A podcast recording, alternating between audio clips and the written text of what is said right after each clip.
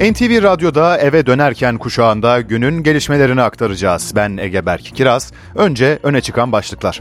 Siyasette gündemin ağır, tansiyonun yüksek olduğu bir gün geride kaldı. Cumhurbaşkanı Recep Tayyip Erdoğan altılı masayı MHP lideri Devlet Bahçeli, CHP lideri Kemal Kılıçdaroğlu'nu eleştirdi. Kılıçdaroğlu'ndan yanıt geldi. HDP kapatma davası da gündemimizde. Yargıtay Başsavcısı dava seçimlerden önce sonuçlanır mı sorusuna yanıt verdi. Ekonomide ana başlıklarımızsa emeklilikte yaşa takılanlar ve konut kampanyası. EYT ne zaman meclise gelir? Konutta spekülatif fiyat artışları nasıl önlenecek? Son açıklamaları paylaşacağız. Tüm bu başlıklar ve elbette daha fazlası eve dönerken kuşağında yer alacak. NTV Radyo'da akşam haberleri başlıyor.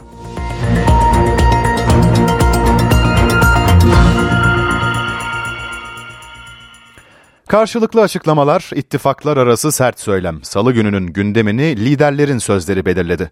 Cumhurbaşkanı Recep Tayyip Erdoğan altılı masayı hedef aldı. Gemi benzetmesinde bulunup altı kaptan bir gemiyi batırır dedi. Biz Cumhur İttifakı'nın adayı olarak aylardır milletimizin huzurundayız. Ama er meydanı olan seçim meydanında mücadele tek kişiyle olmuyor. Seçime kaldı şurada 4-5 ay. Ama hala karşımıza çıkabilen veya çıkartılabilen bir aday yok. Gerçi haklarını yemeyelim.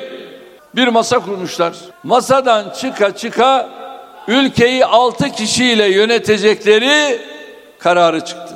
Kardeşlerim altı kaptan bir gemiyi batırır. Tek kaptanla bir gemi gider. Oyu millet verecek.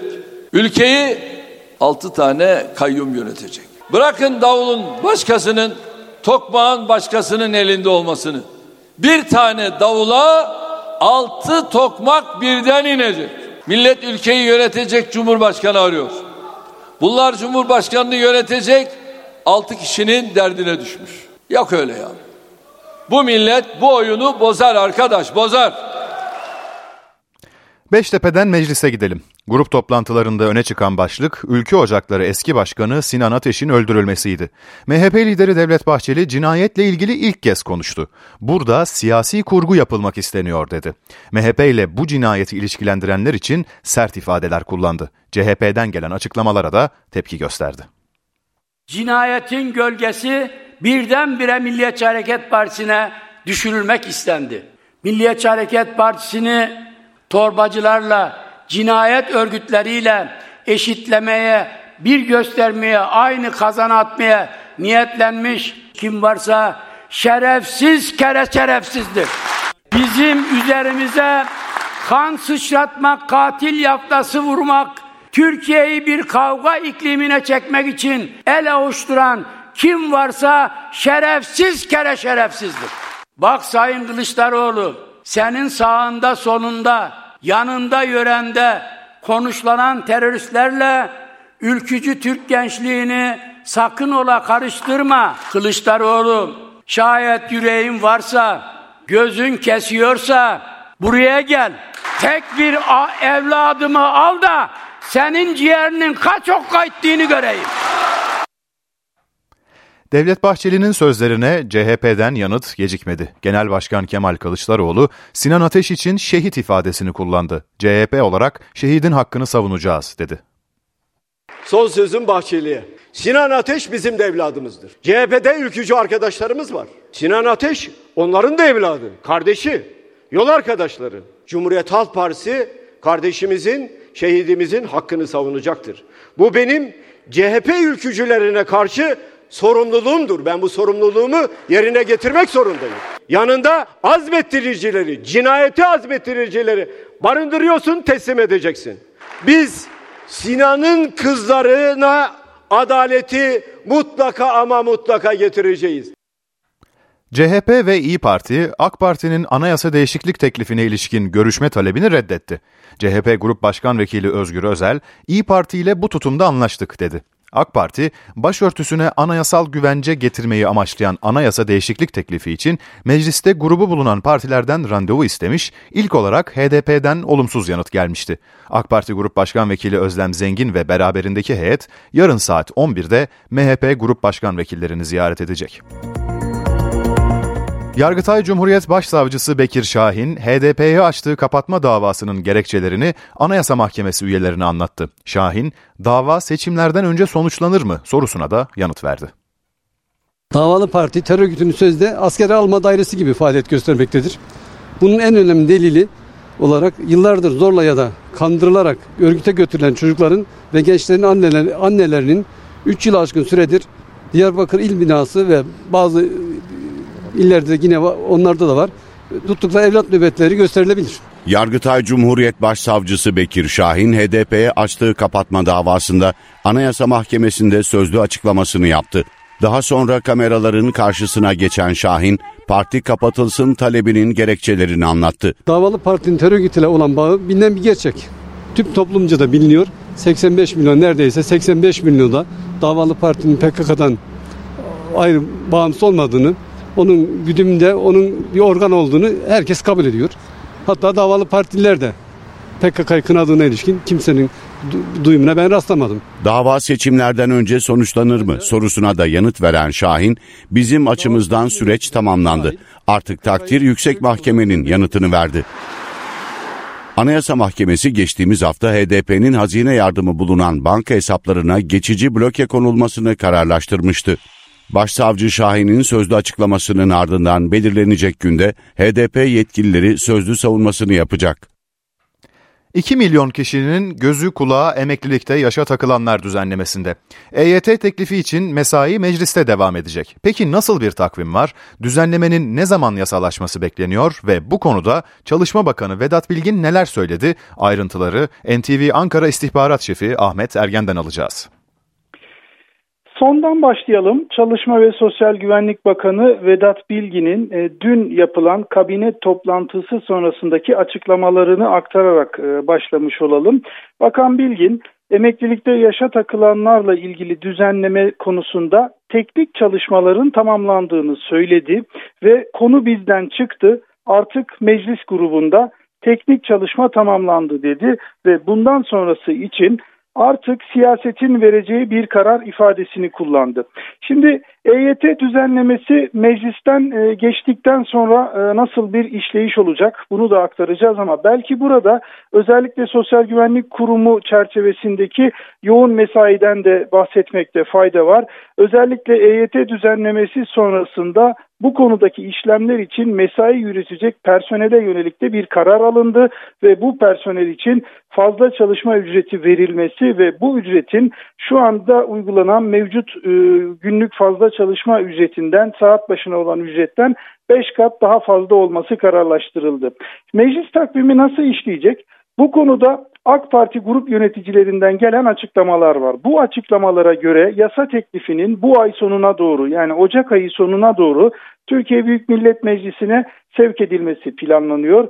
Yasanın görüşmelerinin ise Şubat ayı ortasına kadar tamamlanması yönünde bir beklenti var. Yasa teklifi öncelikle Plan ve Bütçe Komisyonu'nda görüşülecek ve komisyon görüşmeleri sonrasında genel kurulda ele alınacak. Yasalaştıktan sonra Cumhurbaşkanı onayı ve resmi gazetede yayınlanmasıyla birlikte yürürlük süreci başlayacak. Yine e, AK Parti grup yöneticilerinden edindiğimiz bilgilere göre yasanın yürürlüğü konusunda ağırlık kazanan tarihte 1 Mart e, olarak öne çıkmış durumda. Yasa yürürlüğe girdikten sonra Sosyal Güvenlik Kurumu'na başvuru yapılacak. İşlemlerin tamamlanmasıyla emekli aylığı bağlanma e, süreci tamamlanmış, e, bitmiş olacak. İlk maaşlar yürürlük tarihinden itibaren hak kazananlar, hak sahipleri için geçerli olacak ve bu çerçevede yapılacak ödeme işlemlerin bitmesinin sonrasında gerekirse toplu olarak yapılacak. Bütün bu sürecin e, en geç Mart ayının başı itibariyle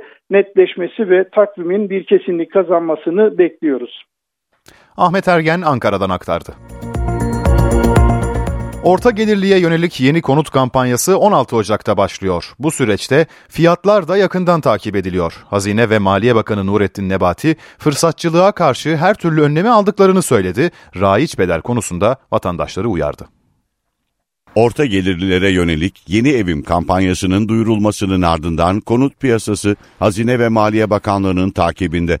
Bakan Nurettin Nebati haksız fiyat artışları için gereğini yaparız dedi. Fırsatçılarla ilgili her türlü tedbiri aldık. Fiyatlama kontrollerini yaptık. Radarımız var. Risk analiz merkezi tüm verilere sahip durumda. Yanlış yapana gereğini yaparız. Kabine toplantısının ardından gazetecilerin sorularını yanıtlayan Nebati, ilgili kurumların cezai işlemleri için gerekli çalışmaları yapacağını söyledi. Bakan Nebati konutta raiç bedellerle gerçek fiyatlar arasındaki farklara dikkat çekti. Enflasyondan dolayı konut fiyatlarının çok yükselmiş olması raiç bedellerle gerçek fiyatlar arasındaki marjı çok genişletti. Bu konuda elimizde çok sağlam veriler var. Vatandaş dikkat etsin, satıcı da alıcı da dikkat etsin. Bu konu bir kangren. Bu kangrenin üstesinden gelecek çok ciddi bir çalışmamız var.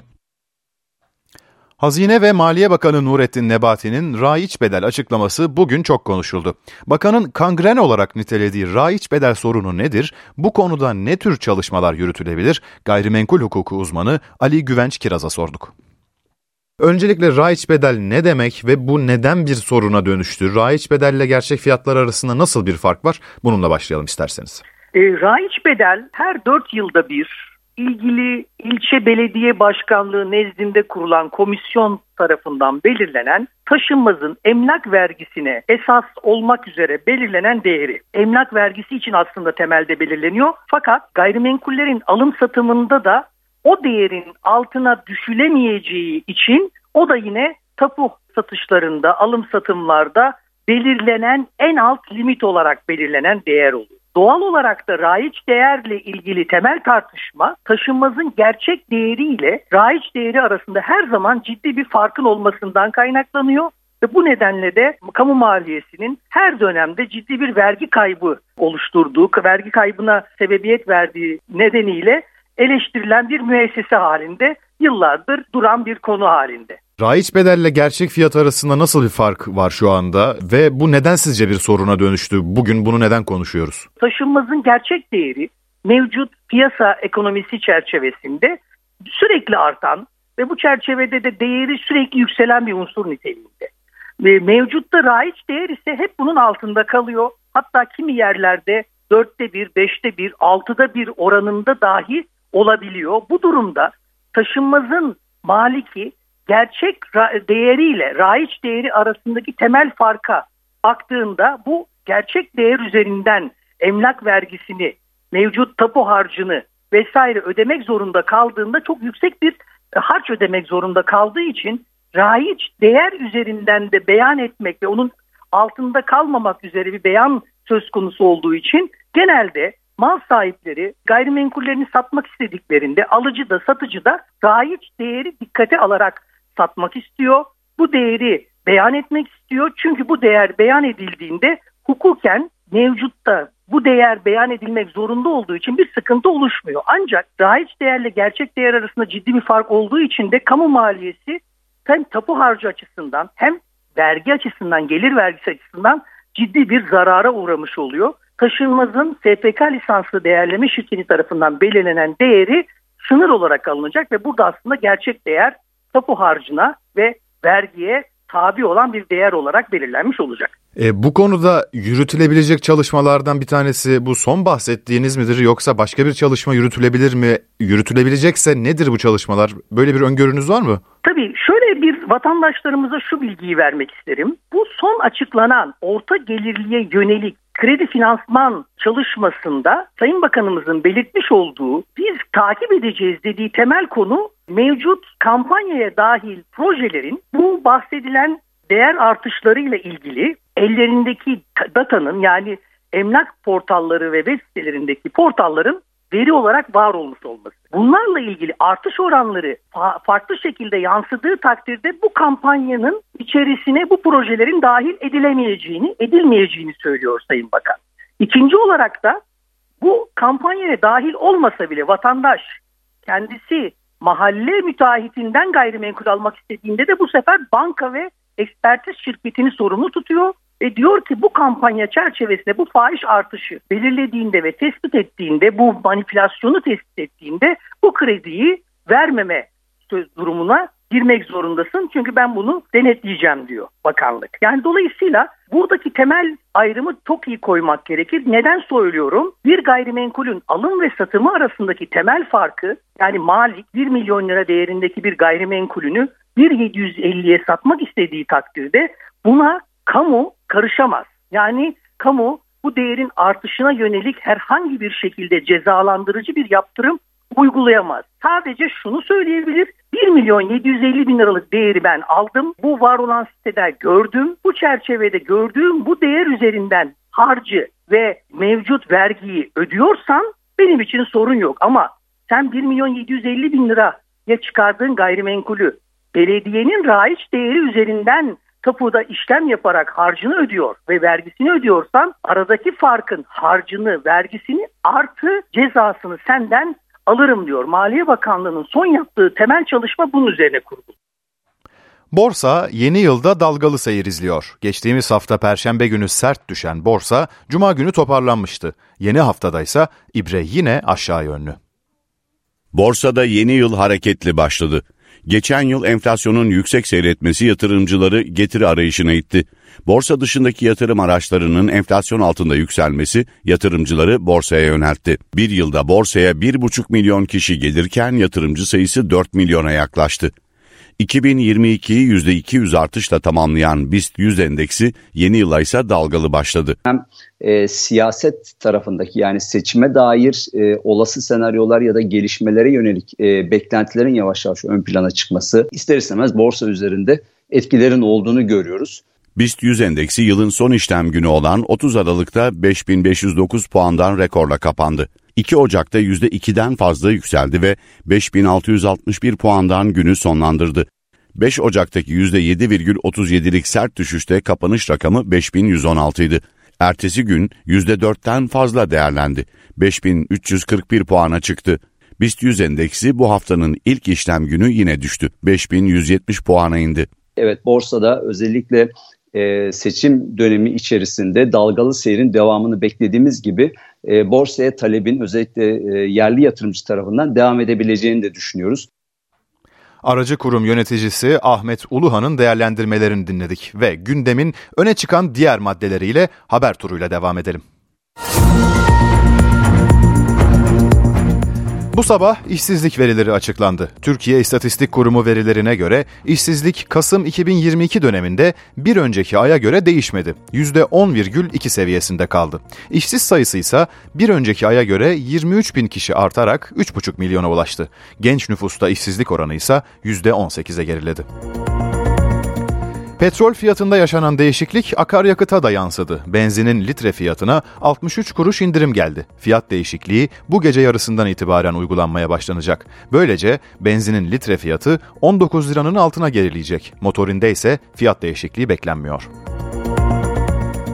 Kayseri'de Maganda kurşunu can aldı. Develi ilçesinde düğünde havaya ateş açıldı. Kurşunların isabet ettiği bir kişi kaldırıldığı hastanede yaşamını yitirdi. Jandarma havaya havaya ateş açan kişinin kimliğini belirlemeye çalışıyor.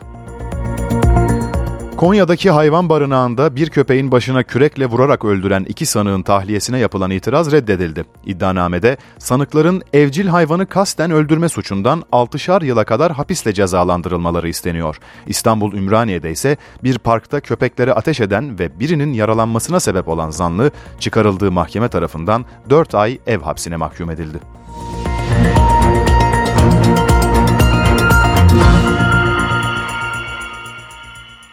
Yeni yıl sonrası pasaport harçlarına zam geleceği için geçen ay nüfus il müdürlükleri çok yoğundu. Harç yatırıp randevu alamayanların işlemleri bu yıla kaldı. Ama vatandaşlar bankoda kötü bir sürprizle karşılaştı. Pasaport, defter ve harç ücretlerine yeni yılda %123 zam geldi. Birçok kişi zamlı fiyattan ödememek için yeni yıldan önce pasaport harçlarını getirdi. Ancak nüfus müdürlüklerinde randevu bulamadıkları için Ocak 2023'e tarih alabildiler. Randevu zamanında gidenlerdense harç farkı yatırmaları istendi. Harç farkı istenenler hem sosyal medyada tepki gösterdi hem de CİMER'e şikayette bulundu. Hiç kimse onlara demedi ki sizin bu başvurunuz Ocak 2023'e kadar sonuçlandırılamaz. Yani 2000 liraya harç verip pasaport yenileyecek olan kişi onu 4500 liraya yakın bedelle almak durumunda kaldı. Vatandaş bilgilendirilmedi. Örneğin 4 kişilik bir aile 2022'nin Aralık ayında 10 yıllık bordo pasaport için toplamda yaklaşık 7 bin lira harç ödemesi yaptı. Ancak Aralık ayına randevu bulamadıkları için Ocak 2023'te nüfus müdürlüğüne giden bir ID için bu rakam defter bedeli ve 10 yıllık bordo pasaport için toplamda 15 bin liraya çıktı. Tüketici Konfederasyonu Başkanı Aydın Ağaoğlu, harç farkı istenen kişilerin itiraz etme hakkı olduğunu söylüyor. Pasaportları veren kurum olan İçişleri Bakanlığı'na, o harcı tahsil eden Maliye ve Hazine Bakanlığı'na başvurup yazılı şekilde pasaportlarına fark alınmadan kendilerine teslim edilmesini talep etsinler. Olumlu cevap almadıkları takdirde o cevapları da eklemek suretiyle kamu denetçiliği kurumuna internet üzerinden veyahut İstanbul ve Ankara'daki merkezlerine giderek başvurularını gerçekleştirebilirler. İran'da Mahsa Amini protestolarında gözaltına alınan 3 kişi daha idam cezasına çarptırıldı. Böylece 4 aydır devam eden protestolarda ölüm cezasına çarptırılanların sayısı 17'ye çıktı. Batı idam kararlarına tepkili. Tahran yönetimine yönelik yeni yaptırımlar konuşuluyor ve idam kararlarına ünlü sanatçılardan da tepki yağıyor. Ayrıntıları NTV temsilcisi Kayhan Karaca'dan alacağız. Evet Ege, İran'da geçen yıl Eylül ayında e, Masa Amini'nin gözaltına alındıktan sonra ölmesinin ardından bu ülkenin rejimine karşı Batı dünyasından tepkiler hatta yaptırımlar gelmişti. Bu tepki ve yaptırımlar Amini öldükten sonra başlayan protestolarda yer alanlara yönelik idam cezalarının infaz edilmeye başlamasıyla son günlerde daha da arttı.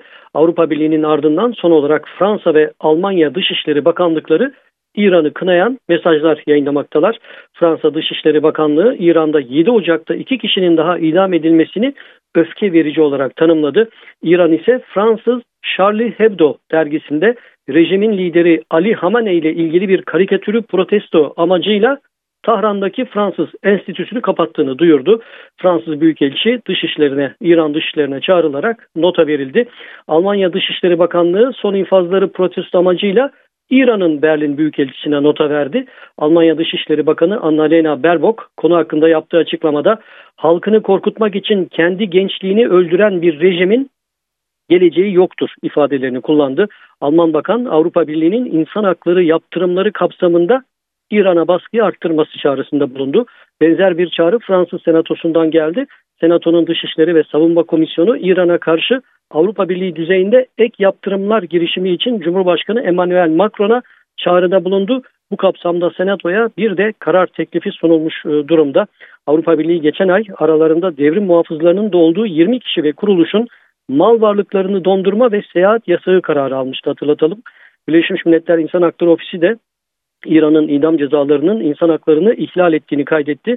Öte yandan batıda sanat dünyası da İranlı protestocu, protestocularla dayanışma eylemlerine devam ediyor. İran asıllı Amerikalı senarist Nicole Necefi'nin organizasyonuyla eğlence endüstrisinde çalışan 50'den fazla isim kamera karşısına geçti. Aralarında Kate e, Blanchett, e, Jason Momoa, Samuel Jackson, Marion e, Cotillard gibi çok sayıda Hollywood yıldızı ellerinde İran'daki idamları durdurun yazılı kağıtlarla protestoculara e, destek verdiler. İnsan Hakları Örgütü İran'da 4 aydır devam eden protestolar sırasında güvenlik güçlerinin müdahalesinde 481 kişinin yaşamını yitirdiğini belirtiyor. Kayhan Karaca aktardı. Çocuklarda viral enfeksiyonlar çok yaygın. Virüs çoğu zaman ailenin diğer üyelerine de geçiyor. İyileşme süreci de çok uzun. Uzmanların özellikle çocuk hastalarla ilgili uyarıları var. Koronavirüs, influenza, adenovirüs, rinovirüs, bokavirüs. Çocuklarda viral enfeksiyonlarda artış var. Üstelik birden fazla virüsle aynı anda mücadele ediyorlar acile başvurular oldukça fazla arttı. Özellikle viral enfeksiyonlar, e, adenovirüs, bokavirüs, e, influenza e, oldukça fazla gördüğümüz enfeksiyonlar arasında. Bu aralar özellikle kreş ve okul çağına giden çocuklar maskesiz hayatla birlikte koronavirüs dışı enfeksiyonların da çok fazla görüldüğü zor bir sene olacak gibi duruyor. Genelde de gördüklerimiz birden fazla virüsün olduğu veya viral enfeksiyonların üzerine ikinci bakteriyel enfeksiyonların bindiği enfeksiyonları da görebiliyoruz. Günlerce düşmeyen ateş aileleri korkutuyor, doktorları zorluyor. Bu dönemde gördüğümüz enfeksiyonlarda ilaç, inatçı ateşler, öksürükler, ishal, kusma gibi şikayetler. Yine aynı şekilde akciğer tutulumları sıkça gördüğümüz belirtiler ama inatçı ateşler gerçekten hem aileleri çok fazla endişelendiren hem de bizim e, mücadele etmemiz gereken durumlardan bir tanesi hakikaten. Hastalarda yatış oranları geçen senelere göre artmış durumda. Virüsler çocuklarda başka rahatsızlıklara da neden olabiliyor. Bir kısmı gerçekten kalbi de etkileyebiliyor. Hem kalp kasını hem kalp zarlarını e, aynı şekilde akciğer e, zarını etkileyip hem akciğerde hem kalpte sıvı tutulumu fonksiyon kaybıyla da gidebiliyor. Uygun tedavi e, ve tabii ki uygun bir takip sürecine ihtiyaç oluyor.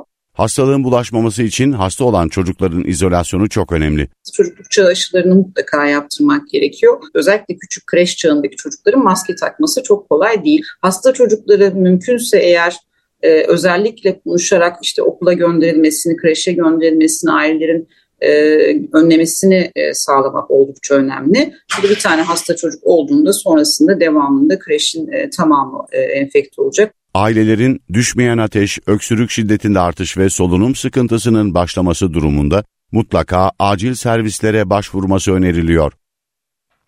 Dünya Sağlık Örgütü omikron virüsünün alt varyantı ile ilgili uyarılarda bulundu. Koronavirüsün hızla yayılan alt varyantı ile mücadele için uzun mesafe uçuşlarında yolcuların mutlaka maske takması çağrısında bulundu. Söz konusu varyant ABD'deki vakaların yaklaşık %30'unu oluşturuyor ve uzmanlar mevcut aşıların ağır semptomlara, hastaneye yatışa ve ölüme karşı koruma sağladığını hatırlıyor. Diyarbakır'da cumartesi günü yolcu otobüsünün devrilmesi sonucu biri bebek 5 kişi hayatını kaybetmişti. Tutuklanan şoförün ilk ifadesi ortaya çıktı, hatanın kendisinde olduğunu söyledi. Aşırı hız yaptım. Bir anda dalmışım. Kontrolümü kaybettim. Bu ifadeler 5 kişinin öldüğü kazanın ardından tutuklanan otobüs şoförüne ait. Cumartesi günü Diyarbakır'da meydana gelen kaza sonrası sürücü Mehmet Sıraç Uluç'la bir firma yetkilisi tutuklanmıştı. İfadesi ortaya çıkan sürücü kaza anını anlattı. Süratli olduğunu kabul eden sürücü bir anda daldım, kontrolümü kaybettim dedi. Kaza yerinin yaklaşık 500 metre gerisinde 50 kilometre hız uyarısı vardı. Sürücü ifadesinde bu uyarıyı da görmediğini söyledi. Otobüs Gaziantep Ağrı seferini yapıyordu. Kazada biri 5 aylık asel bebek olmak üzere 5 kişi yaşamını yitirdi, 23 kişi de yaralandı. Yaşamını yitirenlerden 4'ünün otobüsten inmesine dakikalar kalmıştı. Kaza olmasaydı 20 kilometre sonra inecekleri noktaya varacaklardı. Olay sonrası tutuklananlardan firma yetkilisinin ise biletsiz yolcu tespit edilmesi nedeniyle tutuklandığı ortaya çıktı. Türkiye'nin yüz ölçümü değişti, 350 bin metrekare arttı. Türkiye'nin yüz ölçümünü değiştiren haber Rize'den geldi. 8 milyon ton taş kullanıldı. 350 bin metrekarelik deniz alanı dolduruldu. Rize Şehir Hastanesi Türkiye'nin yüz ölçümünü arttırdı. Deniz dolgusuna inşa edilecek olan hastanenin bir yıl süren dolgu çalışmaları tamamlandı. 2021 yılında temeli atılan yapı için güçlü akıntı ve dalgaları önleyecek 8 milyon ton taş kullanıldı. Etrafına 14 bin beton blok yerleştirildi. Böylece 350 bin metrekarelik deniz alanı doldurulmuş oldu. Türkiye'nin 783.562 kilometre kare olan yüz ölçümü 350 kilometre kare daha artmış oldu. Kara parçasının oluşumu da her ay çekilen uydu fotoğraflarına yansıdı. Fotoğraflarda deniz dolgusuyla birlikte artan kara parçasının değişimi de görülüyor.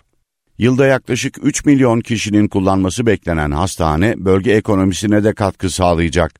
Rize açısından çok değerli bir yatırım ama ayrıca tabii bizim Gündoğdu'ya bölgemize de çok şeyler katacağına inanıyoruz. Zaten onun çalışmalarıyla beraber burada vizyon değişimleri başladı yani. 800 yatak kapasiteli hastanenin 2 yıl içinde hizmete girmesi planlanıyor. İngiltere'de daha piyasaya çıkmadan tartışılmaya başlanan otobiyografi raflardaki yerini aldı. Prens Harry'nin yaşadıklarını öğrenmek isteyenler kitapçıların önünde kuyruğa girdi. Çok ses getirdi, çok tartışıldı. Birleşik Krallığın gündemine oturan kitap nihayet piyasaya çıktı. Prens Harry'nin Spare isimli otobiyografi kitabı İngiltere'de raflardaki yerini aldı. Talebi karşılayabilmek için Birleşik Krallık'ta birçok kitapçı gece yarısı kepenk açtı. Kitabın ilk baskısına ulaşmak isteyenler kitapçıların önünde geceden kuyruğa girdi. Spare şimdiden son 10 yılda en çok ön sipariş alan kitap haline geldi.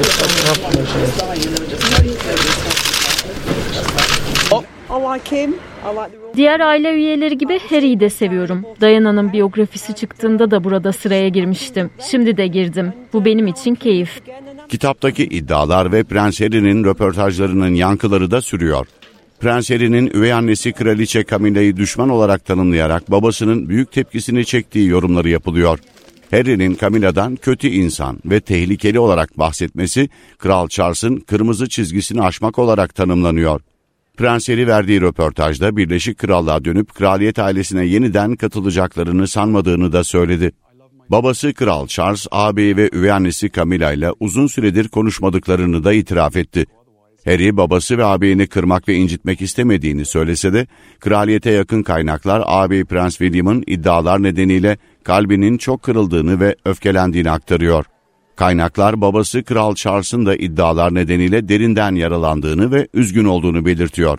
Fakat kraliyet ailesi resmi açıklama yapmaktan kaçınıyor. Prens Harry'nin kitap ve röportajlarındaki iddiaları sonrası popülaritesi de azaldı. Yapılan bir anket halkın %64'ünün Harry'e negatif bakmaya başladığını gösterdi. Bugün popüler müziğin ikon isimlerinden David Bowie'nin ölüm yıl dönümü. Ünlü sanatçı 2016 yılında 69 yaşında kansere yenik düşmüştü. Müziğinde kullandığı elektronik sesler, konserlerindeki sanatsal sunumlar ve sahne şovlarıyla yeni kuşak müzisyenleri etkileyen Bowie geride yüzlerce parça bıraktı. Bu saati onun sevilen eserlerinden biriyle Starman'le noktalıyoruz. Borsa İstanbul Ulusal Yüz Endeksi 5123 puandan işlem görüyor. Dolar 18 lira 77 kuruş, Euro 20 lira 17 kuruştan işlem görüyor. Euro dolar paritesi 1.07, altının onsu 1878 dolarda. Kapalı çarşıda gram altın 1134 liradan, çeyrek altın ise 1874 liradan alıcı buluyor. Brent petrolün varil fiyatı 80 dolar.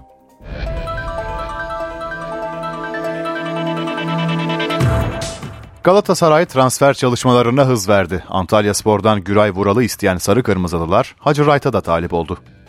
Galatasaray ara transfer dönemini hareketli geçirecek. Şu kadarını söyleyeyim. Galatasaraylıların bu konuda endişe etmemesi lazım. Biz eksiğimizin de farkındayız, fazlamızın da farkındayız. Hepsinin bilincindeyiz. Sarı Kırmızılılar sol bek, stoper, orta saha ve santrfora takviye yapmayı planlıyor. Galatasaray, Fraport Antalya Spor'dan Güray Vural ve Hacı Wright için nabız yokladı. Akdeniz ekibi ise tatmin edici bir teklif gelmemesi halinde iki futbolcunun devre arasında ayrılmasına sıcak bakmıyor. Ligde 16 maçta 10 gol kaydeden Hacı Wright'ın İtalya ve Rusya'dan da talipleri var. Galatasaray, Dundee United'dan sol bek Aziz Behiç ve Toulouse'un merkez orta sahası Branko Fenden Boomen'la da ilgileniyor. Yönetim iki futbolcu için de kısa süre içinde hamle yapabilir. Kadrosunda büyük ölçüde korumak isteyen Galatasaray, Avrupa'dan talipleri bulunan Nelson, Torreira ve Boyi'yi de satmayı düşünmüyor. Teknik heyeti performanslarını yetersiz buldu. Van Aanholt ve Haris Seferovic ise ayrılık kapıda. Fenerbahçe, Samet Akaydın transferini resmiyete dökmeye hazırlanıyor. Sarı lacivertliler bir yandan da mevcut oyuncularıyla sözleşme yenilemek için masada. Fenerbahçe ara transfer dönemini Samet Akaydın'la açmaya hazırlanıyor. Adana Demirspor ve oyuncu tarafıyla daha önce el sıkışan Sarı lacivertler anlaşmayı resmiyete dökecek. Transfer için Akdeniz ekibine taksitler halinde yaklaşık 4 milyon euro ödenecek. Samet Akaydın ise yarım sezon için 8 milyon lira alacak. 3,5 yıllık anlaşma sağlanan 28 yaşındaki futbolcunun maaşı her sezon artış gösterecek. Yabancı kontenjanı dolu olan Fenerbahçe'nin başka bir takviye yapıp yapmayacağı ise olası ayrılıklara göre şekillenecek. Yönetim bir yandan da iç transfer görüşmelerini sürdürüyor. Sarı lacivertlerde Altay Bayındır, Miha Zayt ve Ener Valencia'nın sözleşmeleri sezon sonunda bitecek. Altay ve Zayt için yeni teklifini ileten Fenerbahçe yanıt bekliyor. Valencia içinse henüz kesin bir karar verilmiş değil.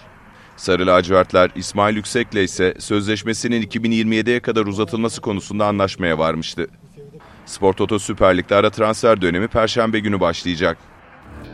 Beşiktaş ara transfer döneminde 6 yabancı futbolcusuyla yollarını ayırabilir. Wood Weghorst'un yanı sıra 5 isim daha siyah beyazlı takıma veda etmeye hazırlanıyor.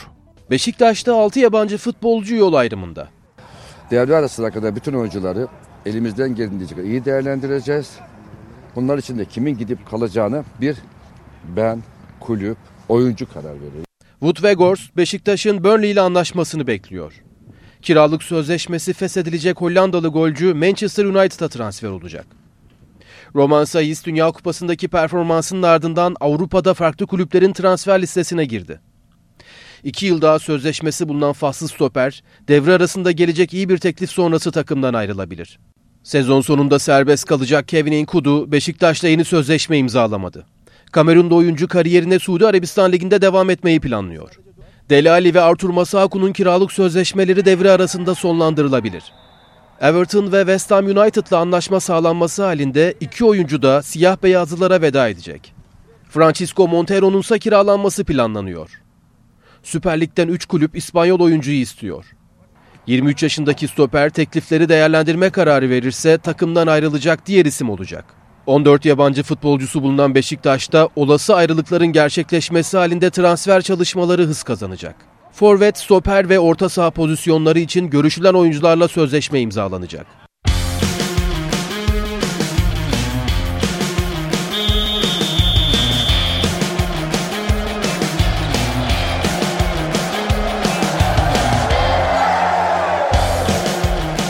NTV Radyo İstanbul'da eve dönüş trafiğinde yoğunluk seviyesi %71'de. Avrupa'da Mahmut Bey, İstoç ve Basın Ekspres bölgesindeki yoğunluk devam ediyor. Sefaköy Küçükçekmece yönünde trafik güçlükle ilerliyor. Anadolu'da Ümraniye Dudullu ve Küçükyalı Maltepe hatlarında trafik iki istikamette tıkalı. 15 Temmuz Şehitler Köprüsü'nde iki yakadan da geçişler bu dakikalarda giderek artıyor. Avrupa'da Mecidiyeköy, Anadolu'da Altunizade mevkileri yoğun. Fatih Sultan Mehmet Köprüsü'nde Hastal'dan başlayan trafik diğer yakada Kavacı'ya kadar devam ediyor. Anadolu'dan geç geçişler açık. Avrasya Tüneli de çift yönlü açık halde seyrediyor. Yolda olanlara iyi yolculuklar. NTV Radyo'da haber saatindeyiz. Gelişmeleri aktarmaya devam ediyoruz. Cumhurbaşkanı Recep Tayyip Erdoğan yüz yüze Türkiye Esnaf Buluşması programında konuştu. Erdoğan es, esnaf destek paketinin 100 milyar lira olan limitinin 150 milyar liraya çıkarıldığını açıkladı. Esnafımızın çok büyük teveccüh gösterdiği bu destek paketinin limitini 50 milyar lira ilaveyle toplamda 150 milyar liraya çıkartıyoruz. Birinci ve ikinci risk grubunda bulunan ve hala hazırda esnaf başına 500 bin lira olan kredi üst limitinden diğer risk gruplarındaki esnaflarımıza da Haziran ayı sonuna kadar yararlanma imkanı getiriyoruz. Böylece binlerce esnafımızın da yüksek tutarda finansmana erişmesini temin ediyoruz. Halkbank'tan Paraf, Troy, esnaf kredi kartı bulunan esnafımız kredi kartı harcamalarına 3 ay ödemesiz olmak üzere toplam 12 ay vadeli ve yüzde 9,75 gibi düşük faiz oranı ile taksitlendirme yapabileceklerdir. Paraf Troy esnaf kartı olan esnafımızın ham madde, malzeme ve benzeri alımlarında kullandığı kredi kartı üst limitini de yüzde elli oranında artırarak 100 bin liradan 150 bin liraya yükseltiyoruz. CHP Genel Başkanı Kemal Kılıçdaroğlu'ndan Türk Silahlı Kuvvetleri Komuta Kademesi'ne alkış tepkisi geldi. Kılıçdaroğlu, Sinan Ateş cinayeti üzerinden MHP lideri Devlet Bahçeli'ye yönelik eleştirilerini de sürdürdü. Bugün çıkmış bağırıyor. Bağır Bahçeli bağır. Daha çok bağırırsın. Sinan Ateş bizim de evladımızdır. CHP rahmetlinin net söylüyorum şehidin hakkını savunacaktır. Yanında azmettiricileri barındırıyorsun. Teslim edeceksin. CHP Genel Başkanı Kemal Kılıçdaroğlu, eski Ülkü Ocakları Genel Başkanı Sinan Ateş cinayeti üzerinden MHP Genel Başkanı Devlet Bahçeli'ye sert eleştiriler yöneltti. CHP şehidin hakkını savunacak dedi. Partisinin grup toplantısında konuşan Kılıçdaroğlu, Cumhurbaşkanı Recep Tayyip Erdoğan'ın CHP'ye eleştirdiği sözleri, Türk Silahlı Kuvvetleri'nin komuta kademesinin alkışlamasına da tepki gösterdi. Beni siyasal olarak eleştirirken askerlere alkışlatır oldu. Komuta kademesi haddini bilsin. Siyaset askerin işi değildir. Kılıçdaroğlu, Anayasa Mahkemesi'nin HDP'nin hazine yardımına bloke konulması kararını da eleştirdi. Artık demokrasilerde siyasal partiler kapatılmaz. O nedenle demokrasi vazgeçilmezimizdir. Hazine yardımını kesmek gibi demokrasi dışı uygulamaları asla kabul etmiyoruz ve doğru da bulmuyoruz. CHP liderinden önce MHP lideri Bahçeli'nin grup toplantısı vardı. Bahçeli, eski Ülke Ocakları Başkanı Sinan Ateş cinayetine ilişkin ilk kez konuştu. Çok sert ifadeler kullandı. Cinayetin gölgesi birdenbire Milliyetçi Hareket Partisi'ne düşürülmek istendi. Milliyetçi Hareket Partisi'ni torbacılarla, cinayet örgütleriyle eşitlemeye, bir göstermeye, aynı kazan atmaya niyetlenmiş, buna heves etmiş kim varsa şerefsiz kere şerefsizdir. MHP Genel Başkanı Devlet Bahçeli, eski Ülke Ocakları Başkanı Sinan Ateş'in öldürülmesine ilişkin ilk kez konuştu. Bahçeli cinayet üzerinden bir siyasi kurgu yapılmaya çalışıldığını söyledi. Cinayetin hemen ardından partisine yönelik organize ve örgütlü bir saldırı başlatıldığını belirtti. Bizim üzerimize kan sıçratmak, katil yaftası vurmak, sokağa çıkmamızı tahrik etmek, Türkiye'yi bir kavga iklimine çekmek için el avuşturan kim varsa şerefsiz kere şerefsizdir. Bahçeli olayın aydınlatılması için yargı sürecini beklediklerini söyledi. Cinayetle ilgili açıklamaları nedeniyle CHP Genel Başkanı Kemal Kılıçdaroğlu'na sert tepki gösterdi. Bak Sayın Kılıçdaroğlu, senin sağında solunda, yanında yörende konuşlanan teröristlerle ülkücü Türk gençliğini sakın ola karıştırma Kılıçdaroğlu. Şayet yüreğin varsa, gözün kesiyorsa buraya gel. Tek bir evladımı al da senin ciğerinin kaç okka ettiğini göreyim. 3600 ek gösterge düzenlemesi 15 Ocak'ta yürürlüğe giriyor. Düzenlemenin yürürlüğe girmesiyle 2022'de emekli olan memurların alacağı ikramiye farkı da artacak. İkramiye tutarı kat sayı ve hizmet yılına göre değişecek. İlave ikramiye yaş haddi ve kadrosuzluktan dolayı emekli olan memurlara tanınan bir hak. Konutta orta gelirliler için açıklanacak kampanyanın detayları beklenirken, Türkiye genelinde emlak ve devre mülk dolandırıcılığı yapan bir şebekeye operasyon düzenlendi, 85 şüpheli gözaltına alındı. Arsa ve devre mülk olarak pazarladıkları yerleri birçok kişiye sattılar. Bu şekilde yüzlerce kişiyi dolandırdılar. Türkiye genelinde emlak ve devre mülk dolandırıcılığı yapan bir şebeke 3 ay takip edildi. İstanbul ve Yalova'da ofis olarak kullandıkları adreslere operasyon düzenlendi. Asayiş Şube Müdürlüğü Dolandırıcılık Büro Amirliği ekipleri 85 şüpheliyi gözaltına aldı. Beni davet ettiler. Günü birlik gittik. Gitmez olaydık. Gittik. Bir odayı 50 kişiye satıyorlar. Geldim İstanbul'a Mecidiyeköy'deki bürolarında beni çağırdılar. İşte yanlış bir işlem yapmışsın beyefendi. Biz bunu düzeltelim. Ya aynı değil mi? Aynı şirket değil mi? Aynı eleman değil mi? Akşam sabah bir de burası. 5 tane bana dosya değiştirdiler. Şu anda 1 milyona yakın benim zararım var. Şüphelilerin aynı devre mülkleri ya da arsaları birçok kişiye satarak milyonlarca dolarlık vurgun yaptıkları öğrenildi. İddiaya göre şüpheliler dolandırıcılıktan elde ettikleri parayla 24 lüks ev satın aldı. Baskın yapılan adreslerde de onun üzerinde lüks otomobil el konuldu. Şüphelilerin sorgusu sürüyor. Suudi Arabistan, salgın döneminde hacılara getirilen yaş ve sayı sınırlamasının bu yıl uygulanmayacağını duyurdu. Riyad yönetimi, Türkiye dahil 24 ülkeyle hac kotası ve hizmetlerle ilgili anlaşma imzaladı. Suudi Arabistan hac için Covid sınırlamalarını kaldırıyor. Covid-19 salgını döneminde hacılara getirilen yaş ve sayı sınırlamasının bu yıl uygulanmayacağı açıklandı. Suudi Arabistan Hac ve Umre Bakanı Tevfik Er-Rabia, hacı sayısının salgın öncesindeki gibi olacağını söyledi. Kararı müjde olarak nitelendirdi. Suudi Arabistan koronavirüs salgınının patlak verdiği 2020'den sonra hacılara yaş ve sayı sınırlaması getirmişti. Salgın öncesi 2019 yılında 2,5 milyonu bulan hacı sayısı 2020'de 10 bin, 2021'de ise 60 bine düşürüldü. 2022 yılında ise salgın döneminde ilk kez yabancıların hac yapmasına izin çıktı. Ancak hac yapacakların 18 ila 65 yaş arasında olmaları ve tam aşılı veya hastalığı geçirmiş olmaları şartı getirildi. Suudi Arabistan dışından yaklaşık 1 milyon kişi hac yaptı. Suudi Veliaht Prensi Muhammed Bin Selman yapılacak genişleme çalışmalarıyla hac ve umre kapasitesini 2030'a kadar yıllık 30 milyon kişiye çıkarmayı hedefliyor. Hacdan 13 milyar dolar gelir elde edilmesi planlanıyor.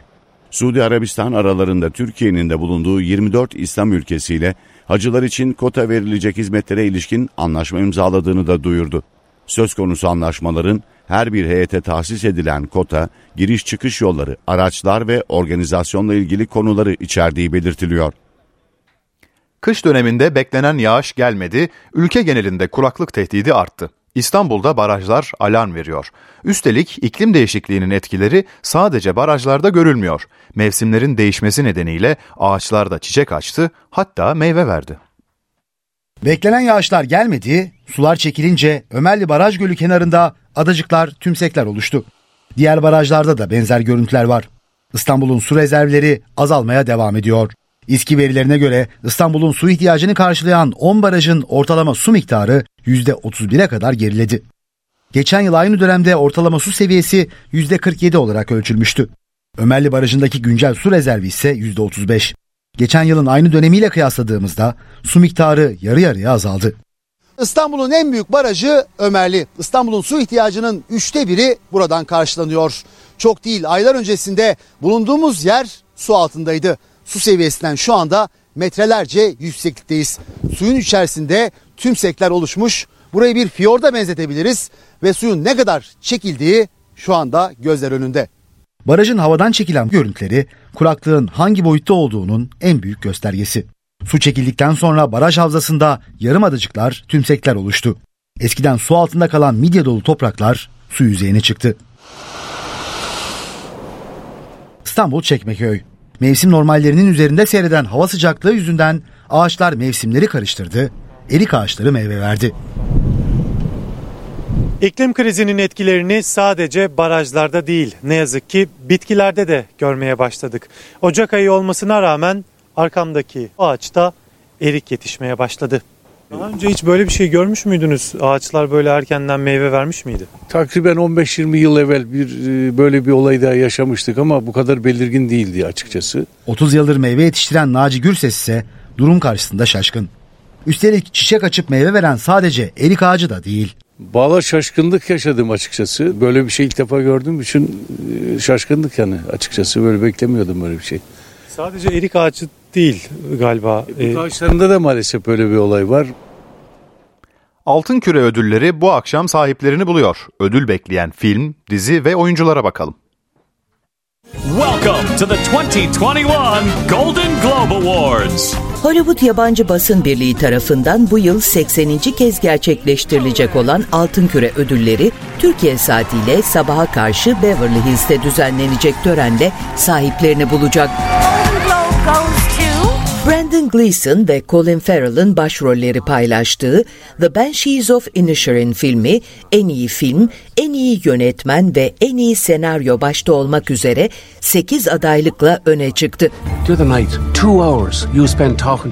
Müzikal ya da komedi dalında aday gösterilen filmin başrolü Colin Farrell'la yardımcı erkek ve kadın oyuncuları da ödüle aday gösterildi. En iyi dram filmi kategorisinde ise Avatar The Way of Water, Elvis, Top Gun Maverick gibi yılın çok konuşulan yapımları aday oldu.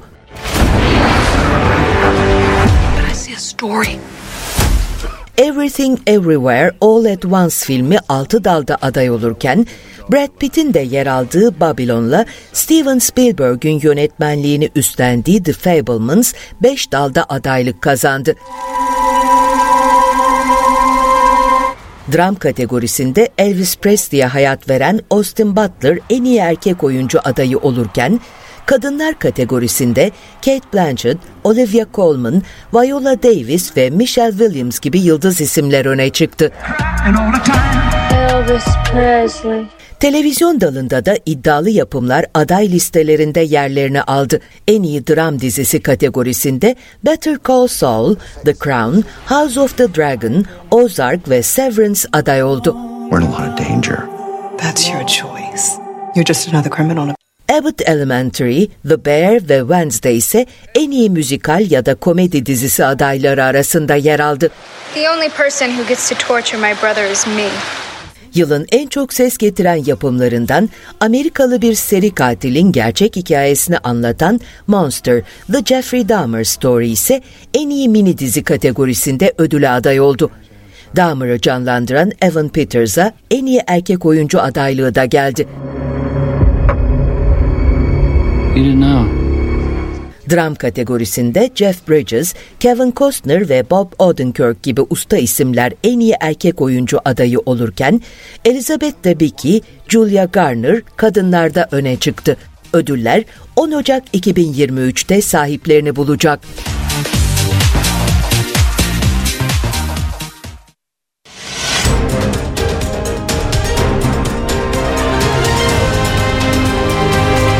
NTV Radyo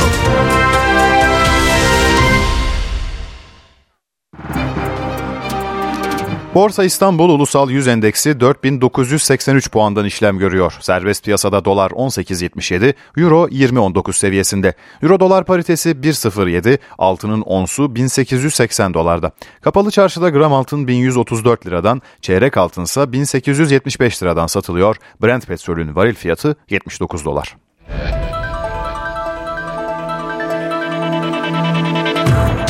Beşiktaş ara transfer döneminde 6 yabancı futbolcusuyla yollarını ayırabilir. Wood Weghorst'un yanı sıra 5 isim daha siyah beyazlı takıma veda etmeye hazırlanıyor.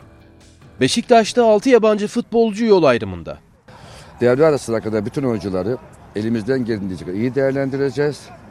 Bunlar için de kimin gidip kalacağını bir ben, kulüp, oyuncu karar verir. Wood Weghorst Beşiktaş'ın Burnley ile anlaşmasını bekliyor.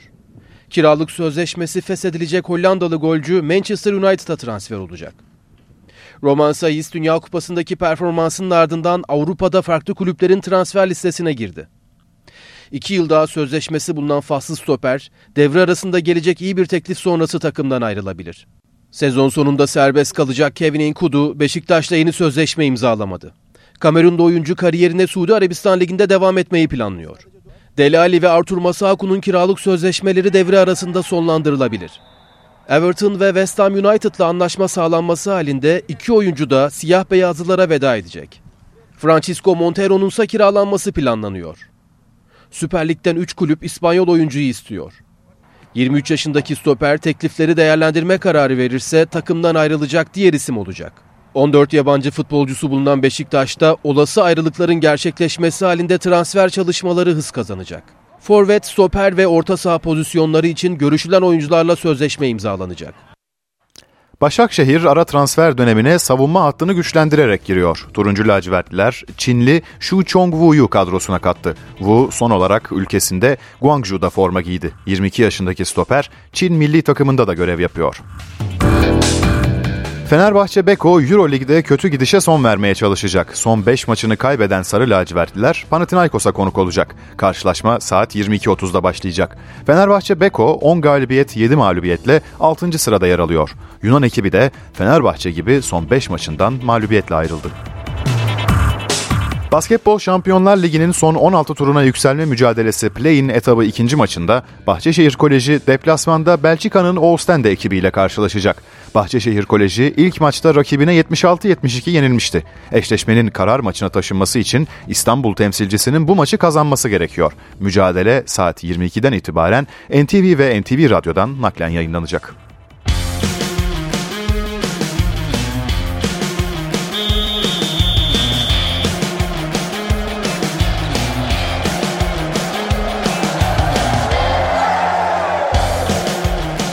NTV Radyo